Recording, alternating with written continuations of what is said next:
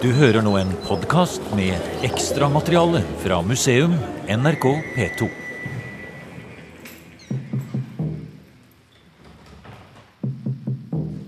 The German battleship Tirpitz has been sunk.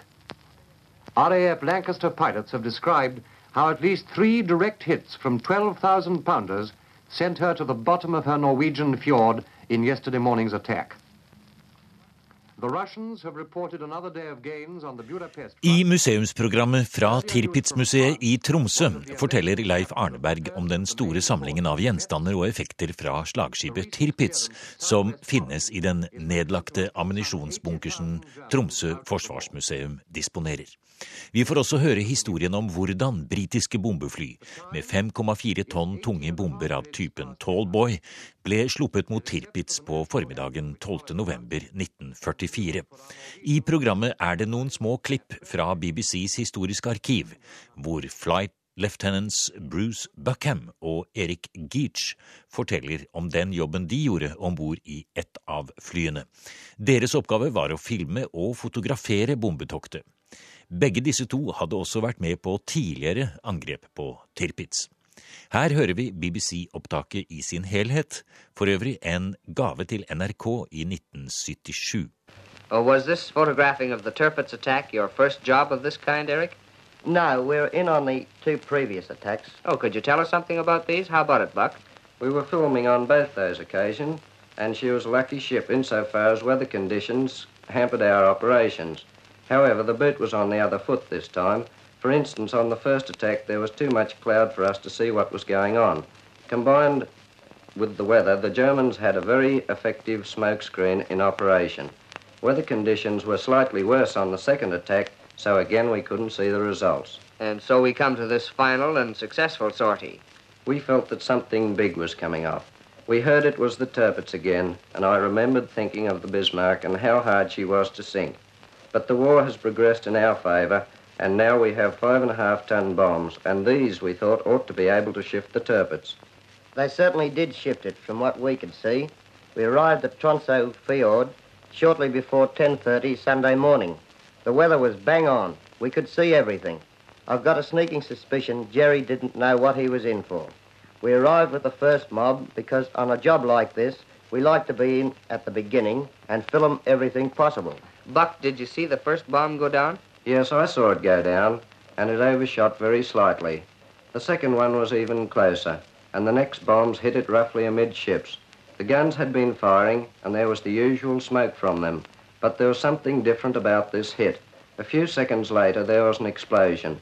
Then flames came up, followed by a column of black smoke, but we didn't feel a thing from where we were. Uh, was it then that the Tirpitz keeled over and sank? No. Further hits were scored, but she still remained afloat. I thought then, after all these hits, that the myth of the unsinkable Tirpitz was true, and we were thinking about going home. We'd actually turned off when Eric came up on the intercom. Hey, Skip, I think she's keeling over. Have a look. And was she? Well, I tried to get around and see this, but it was all too quick as she was on her side. All I could see was the red lead hull gleaming in the morning sunshine. Well, Buck, I hope you got some good movies of the action.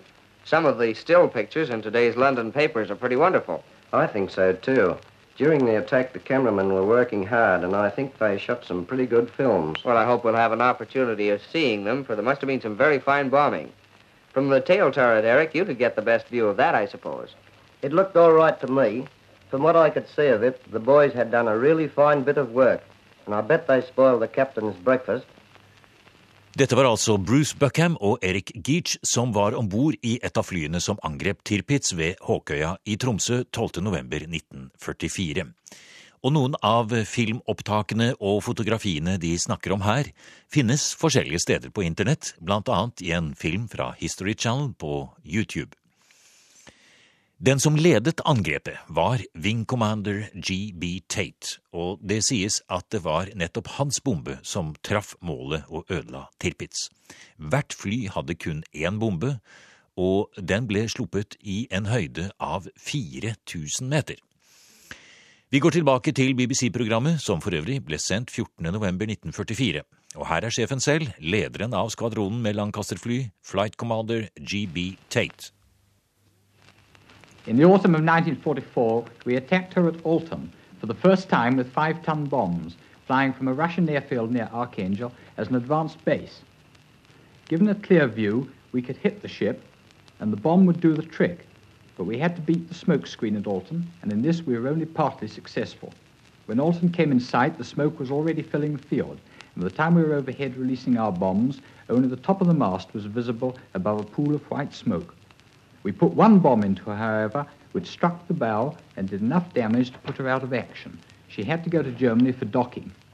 About a week later, she started to move south. That was how she came to Tromsø.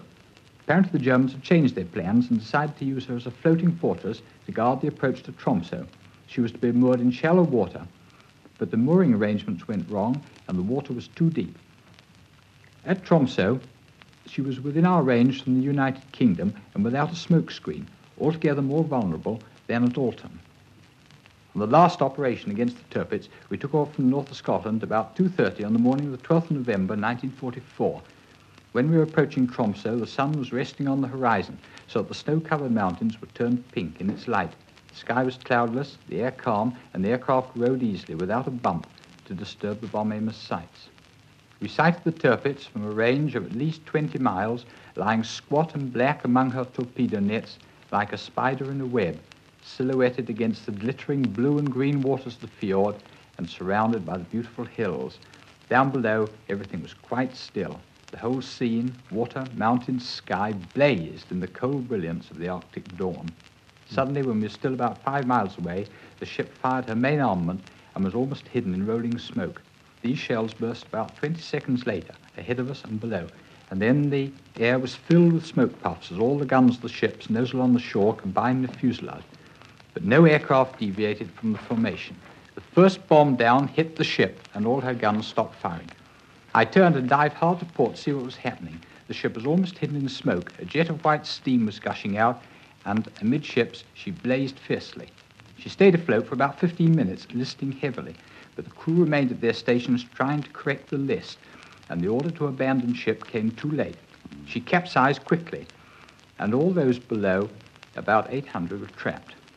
They had not surrendered. They knew it was coming to them after they'd seen the damage one of our bombs had done at Alten, but the ship fought to the last. Finally, we should remember the Norwegian resistance who always watched the Tirpitz. She crept from one Norwegian cranny to another under cover of the frequent fogs on that coast. If they'd not constantly watched, and wireless her movements to London, it would been very difficult to keep track of her. They played a valuable part. Du har nå hørt en podkast med ekstramateriale fra Museum NRK P2. Museum sendes i NRK P2 på lørdager klokken 16.03 og søndager klokken 08.03. Hvis du vil, kan du abonnere på Museum podkast i iTunes. Jeg vil gjerne ha dine synspunkter på programmet. Send kommentarer eller tips til museum.krøllalfa.nrk.no.